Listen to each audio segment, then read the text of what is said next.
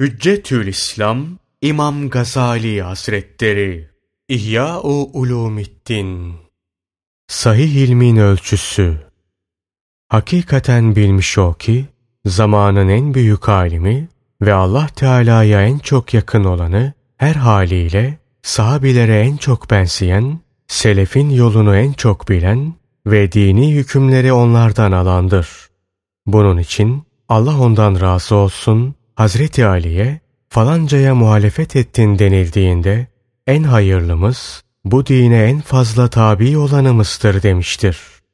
Resulullah sallallahu aleyhi ve sellemin asrındaki insanlara uymakta, kendi asrındakilerden çekinmek asla doğru olamaz. Ne yazık ki insanların tabiatları ona meylettiği için fazileti kendi zamanlarında görürler de davranışlarının kendilerini cennetten uzaklaştırmakta olduğunu bir türlü itiraf edemezler. Aksine olarak cennete gidecek yol budur derler. Hasan-ı Basri Hazretleri rahmetullahi aleyh diyor ki, İslam'da bidat yolunu tutan iki sınıf kimse vardır. 1. Fena düşünceli bir insan olduğu halde kendisi gibi düşünenlerin cennete gireceğini sanan kimse. 2. Dünyada nam ve nimete nail olmuşken taptığı dünyalık, razı olduğu dünyalık, aradığı yine dünyalık olan kimsedir. İkisini de tersleyin. Çünkü varacakları yer cehennemdir. Biri de var ki kendini dünyalığa davet eden bir zenginle nefsin arzularına davet eden bir şehvet esiri aralarında bulunduğu halde Allah Teala kendisini her ikisinin şerrinden korur da Selefi salihine meyleder, onların işlerini araştırır ve onlara uyar. İşte bu adam büyük mükafata hazırlanmıştır. Siz de bunun gibi olmaya çalışın. Allah ondan razı olsun. İbni Mesud Hazretlerinden mevkuf ve müsnet olarak şöyle rivayet edilmiştir. Diyor ki, onlar ancak ikidir. Biri kelam, diğeri yoldur. En güzel söz Allah'ın kelamı, en güzel yolda Peygamberimiz sallallahu aleyhi ve sellemin yoludur. Aman sonradan ortaya çıkarılan şeylere yaklaşmayın. Çünkü fena şeyler sonradan ortaya çıkarılanlardır. Dine aykırı olarak sonradan ortaya çıkarılan her şey bidat ve her bidatte dalalettir. Ölüm size uzak gelmesin ki bu kalbinizi kasvetlendirir ve katılaştırır. İyi bilin ve uyanık olun ki her gelecek olan yakındır. Uzak olansa gelmeyecek olandır. Peygamber Efendimiz sallallahu aleyhi ve sellem bir hutbesinde şöyle buyurmuştur. Kendi kusurlarıyla meşgul olup başkasının kusurlarını araştırmayana, helal kazancından infak edene, hikmet ve fıkıh adamlarıyla buluşup isyan ve zelle edenlerden uzaklaşana müjde olsun. Kendini zelil görüp ahlakı güzel olana, içi güzel olup insanlara fenalığı dokunmayana müjde olsun. İlmiyle amel edene, malının fazlasını verip, sözünün fazlasını saklayana, sünnete sarılıp, bidate sapmayana müjde olsun. Allah ondan razı olsun. İbni Mesud Hazretleri, ahir zamanda iyi hal ve güzel huy, çok amelden daha hayırlıdır derdi. Yine İbni Mesud Hazretleri, sizin zamanınızda hayırlınız, yakin ile işe sarılanınızdır. Bir zaman gelecek, onların hayırlıları, şüphelerin çoğalmasından hiçbir tarafı tercih edemeyip, duraklayan kimselerdir buyurmuştur. İbni Mesud Hazretleri çok doğru söyledi. Zira bu zamanda duraklamadan çoğunluğa tabi olan ve onların daldığı bataklığa dalan onlar gibi helake gider. Hazreti Huzeyfe şöyle buyuruyor. Bundan daha garibi, sizin bugün iyi kabul ettiklerinizin, selefin nazarında kötü sayılması, sizin de fena görüp reddettiklerinizin, gelecek nesillerin hoş görüp kabul etmesidir. Hakkı bildiğiniz müddetçe ve aranızda alimlerle istihsa edilmedikçe hayır üzerindesiniz. Hazreti Huzeyfe hakikaten doğru söylemiştir. Bu zamanın kabul görülen pek çok iyilikleri sahabe devrinin kötüledikleridir. Mesela zamanımızın en belirgin iyiliklerinden biri camileri süslemek, nakışlamak ve inşasında, döşemesinde, kubbesinde çok miktarda para sarf etmektir. Halbuki sahabe devrinde camileri döşeme ve süsleme bidat sayılırdı. Bu haccacı zalimin icatlarındandır. İlk Müslümanlar kendileriyle toprak arasında pek az perde bulundururlardı. Yine bunun gibi mücadele ve münazara ilimlerinin incelikleriyle uğraşmak bu zamanın en büyük ilimlerinden ve Allah'a en çok yakınlık sağlayan vasıtalarından olduğu zannedilirken onların zamanında yasak olan ilimlerdendir. Bunlardan biri de ezan ve Kur'an'da telhin, sesi alçaltıp yükseltmelerdir. Diğer biri de temizlikte ifrat, taharette vesvesedir. Yediği lokmanın helal veya haram olmasına bakmadığı halde giydiği elbisenin temiz olup olmadığı hakkında binbir dereden su getirmeye çalışmaktır. Allah ondan razı olsun. İbni Mesud Hazretleri çok doğru söyledi. Siz arzularınızın ilme tabi olduğu bir zamanda bulunuyorsunuz. Bir zaman gelecek, ilim arzuya uyacaktır. Ahmet bin Hanbel Hazretleri rahmetullahi aleyh şöyle demiştir. İlmi bıraktılar da garip şeylere başvurdular. Bu gibilerde ilim pek çok azalmıştır. Allah yardımcımız olsun. Malik bin Enes Hazretleri şöyle demiştir. Geçmiş zamanda insanlar bugünkülerin sorduğu şeyleri sormaya ihtiyaç duymazlardı. Alimler de bu helal, şu haram demezlerdi. Belki bu müstehap, bu mekruh derlerdi. Yani helalle haramı herkes bilir ve gereğini yapardı. Aranan müstehap ve mekruh oluşuydu. Hocalar onlardan bahsederdi. Hişam bin Urve şöyle demiştir. Bunlara kendi icatlarından sormayın. Çünkü onlara cevaplar da hazırlamışlardır. Onlara sünnetten sorun. Ne yazık ki ondan bir şey bilmezler. Ebu Süleyman Darani Hazretleri rahmetullahi aleyh şöyle demiştir. Bir kimsenin içine bir iyilik doğduğu zaman onu hemen yapmasın. Şeriata uygun olup olmadığını arasın. Uygunsa Allah Teala'ya hamd ederek yapsın. Böyle söylemesindeki hikmet, muhtelif bidatlerin çıkması ve Allah Teala'nın koruduklarından başka bütün gönülleri kaplamış olmasıdır. Böyle her hatıra geleni yapmak, kalplerin berraklığını bulandırır ve bu karışıklık sebebiyle batıl, hak gibi görünebilir. Bunun için haberlerin şehadetini aramakta ihtiyatlı davranmalıdır. Bu sebepten bayram namazı kılınan musallada Mervan minber ihtas ettiğinde Ebu Said el-Hudri Hazretleri Mervan'a hitaben bu bidat nedir diye sordu. Mervan o bidat değildir. Bu senin bildiklerinden çok hayırlıdır. İnsanlar çoğaldı. Onlara sesimi duyurmak için bunu yaptırdım dedi. Ebu Said el-Hudri Hazretleri, Allah'a yemin ederim ki senin yaptığın benim bildiğimden daha hayırlı değildir. Vallahi senin ardında bir daha namaz kılmam dedi. Bunu kabul etmemesinin sebebi şudur. Peygamber Efendimiz sallallahu aleyhi ve sellem bayram namazı, yağmur duası ve istiska hutbelerinde bir yay veya bir değneğe dayanırdı.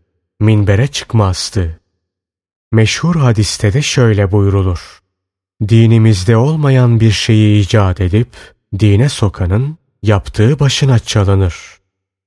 Yani aslında dinden olmayıp sonradan din namına icat edilen her şey merduttur. Diğer bir hadiste de Peygamber Efendimiz sallallahu aleyhi ve sellem şöyle buyurdu. Allah'ın, meleklerin ve bütün insanların laneti ümmetimi gaşyeden kimsenin üzerine olsun. Ümmetinin gaşçı nedir diye soranlara cevaben, dinde olmayan bir şeyi icat edip insanları oraya sürüklemektir buyurdu. Başka bir hadiste ise şöyle buyurmuştur. Allah Teala'nın yarattığı bir melek her gün şöyle nida eder. Sünnetinden ayrılan kimseye Resulullah'ın şefaati ulaşmaz. Herhangi bir günahı işleyene nispetle, sünnete uymayan bir şey icat etmekle, dine saldıran kimse, padişahın bazı emirlerine itaat etmeyene nispetle, hükümete karşı inkılap yapmak isteyen gibidir. Şüphesiz hata affedilir. Fakat inkılap yapmak isteyen affedilmez. Bunun gibi Allah Teala'nın emirlerinin bazılarına isyan eden affedilir. Fakat bidat çıkarıp dinin saflığını bulandırmak isteyen affedilmez. Bazı alimler selefin anlattıklarına susmak cefadır. Onların sükut ettikleri yerde konuşmaksa boşuna yorgunluktur derler. Başka biri hak ağırdır. Onun sınırını aşan zalim, ona ulaşmayan aciz, onu aşmayan ve geri kalmayansa ehlidir demiştir. Peygamber Efendimiz sallallahu aleyhi ve sellem şöyle buyurmuştur. Daima orta derecede bulunmaya gayret edin ki ilerleyenler de oraya dönecek, geri kalanlar da oraya yükselecektir. Allah ondan razı olsun. İbni Abbas Hazretleri şöyle diyor. Ehlinin gönlünde, dalaletinde kendine göre bir tadı vardır. Nitekim Hak Teâlâ dinlerini oyuncak ve eğlence tanıyanları bırak buyurmuştur. Diğer bir ayet-i celile de buyruluyor ki, Fatır suresi 8. ayeti kerime. Kötü işi kendisine güzel gösterilip de onu güzel gören kimse kötülüğü hiç işlemeyene benzer mi? Sahabe devrinden sonra zaruret ve ihtiyacı aşan her icat oyun ve eğlencedir.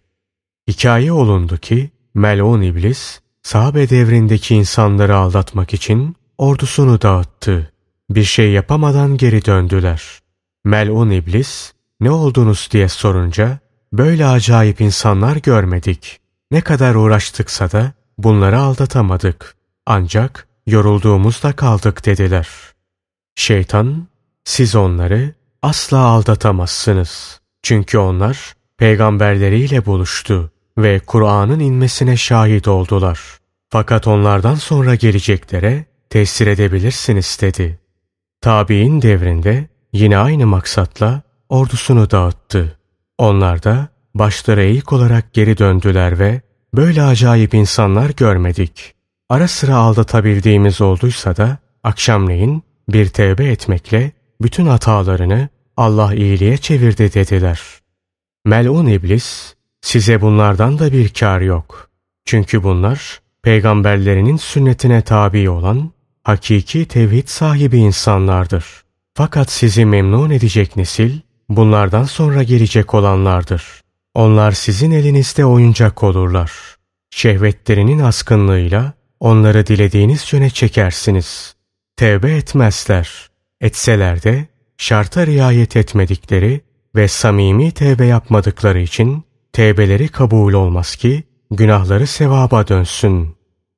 Hakikaten tabi'in devrinden sonra bir takım insanlar geldi ki şehvetleri kendilerini kapladı da bidatlerini kendilerine güzel gösterdi. Onları helal tanıttı ve onları din olarak kabullendiler. Allah Celle Celaluhu'dan mağfiret dilemeyip Allah'a tevbe etmediler.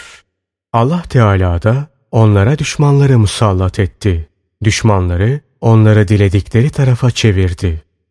Eğer ki bu hikayeyi anlatan şeytanı ne gördü ne de şeytanla konuştu. O halde bu hikayeyi nereden bildi dersen, bilmiş ol ki maneviyat sahipleri görülmeyen gizlilikleri keşfedebilirler. Bu keşif bazen vahyin bir kolu olan ilham, bazen de sadık bir rüyayla, bazen de ayan yani rüyada misalleri gördüğü gibi keşif yoluyla olur. İnsan manen bir aleme yükselir. Orada eşyanın hakikatini görür ve manalarını anlar. Sadık rüya, nübüvvetin 46 cüzünden bir cüzü olduğu gibi bu da en yüksek olan nübüvvetin derecelerindendir. Sakın anlamıyorum diye bu ilmi inkara kalkışma. Akli ilimlere vakıf olduğunu iddia edip üstatlık davası güdenler bu inkarla helak olmuşlardır. Bu bakımdan cehalet Allah Teala'nın dostlarının bu hallerini inkar eden akıldan çok daha iyidir. Kaynak bir olduğu için velileri ve kerametlerini inkar, peygamberleri ve mucizeleri inkar demektir. Peygamberleri inkarsa tamamen dinden çıkmaktır. Bazı arifler şöyle diyorlar. Son zamanda iyi insanların gözden saklanmaları zamanın alimlerini görmeye dayanamadıklarındandır. Çünkü cahiller nasarında alim bilinen ve kendilerini de alim tanıyan bu zümre onların nazarında cahildirler. En büyük günah cehaletini bilmemek, şunun bunun kusurlarına bakmak, gafillerin sözünü ve dünyaya dalan alimi dinlemektir. Dünyaya dalan alimleri dinlemek doğru değildir. Belki her söylediği reddedilmelidir. Çünkü herkes sevdiği şeye dalar ve sevmediğini reddeder. Bu alimin de anlatacağı sevdiği şeylerdir. Nitekim Hak Teâlâ Kehf suresi 28. ayeti kerimede şöyle buyurmaktadır. Kalbini zikrimizden gafil bıraktığımız, keyfinin ardına düşen ve işi haddini aşmak olan kimseye itaat etme. Avam tabakasının asileri kendilerini alim zannedenlerden daha iyi durumdadırlar. Çünkü avam tabakası kusurlu olduğunu kabul ederek tevbe eder ve Allah Teala'dan mağfiret diler. Fakat bu gibi kendisini alim sanan ve din yolundan ayrılıp dünyalık elde edecek ilimlerle uğraşan cahil bunu bir şey zanneder de ölünceye kadar davasında ısrar eder. Tevbe etmez ve bu haliyle gider. Bu hal Allah Teala'nın korudukları müstesna, geneli içine aldığı ve düzelmelerinden ümit kesildiği zaman dindarlar için selamet ve ihtiyat bunlardan ayrılıp tenhaya çekilmektir. İnşallah uzlet bölümünde bunu açıklayacağız. Bu sebepten Yusuf bin Esbat, Huzeyfe Tül Meraşi'ye yazdığı bir mektupta şöyle dedi. Günaha girmeden Allah'ı anacak veya isyan etmeden ilim müzakere edecek kimseyi bulamayan adama ne dersin? Zira ehlini bulamıyor. Çok doğru söylemiştir. Çünkü insanlar arasına karışmakla ya gıybet edeceksin, ya dinleyeceksin yahut göreceğin bir fenalığa sükut edeceksin. Bütün bunlar dini bakımdan fena şeylerdir. Evet, insanın en güzel hali ilim öğrenmek veya ilim öğretmektir. Fakat eğer okutan kimse okutmasında gösterişten, riyaset istemek ve maddi varlık sağlamak hevesinden kendini kurtaramadığını anlarsa, okuyan talebenin de ilmini dünyalıkta ve şerde kullanacağını, kendisinin de yol kesene silah satan gibi fenalığın sebeplerini hazırlamak suretiyle yardımcısı olacağını da bilmiş olur. İlim kılıç gibidir. Kılıç, dış düşmanlarla muharebe aleti, ilimse iç düşmanlarla muharebe aletidir. İyiliğe hizmeti, silahın savaştaki hizmeti gibidir. Silahın fenalık yapacaklara satılması caiz olmadığı gibi, ilminde fena niyetli kimselere verilmesi uygun değildir. İşte buraya kadar saydıklarımız, her biri geçmiş alimlerin hal ve hareketlerini içine alan ahiret alimlerinin 12 alametidir. Sen şu iki yoldan birini seç. Ya bütün bu hasletleri üzerinde topla ya da bunları kabul etmekle birlikte kusurlu olduğunu itiraf et. Sakın dinini dünyasına değişen ve iyi amellerde tembel davrananları gerçek alimlerden sayan üçüncülerden olma ki cehalet ve inkarınla helake düşenlerden olmayasın. Şeytanın kendilerini aldatamayıp dünya zinetleri kendilerine zarar vermeyen kullardan olmamızı Allah Celle Celaluhu'dan dileriz.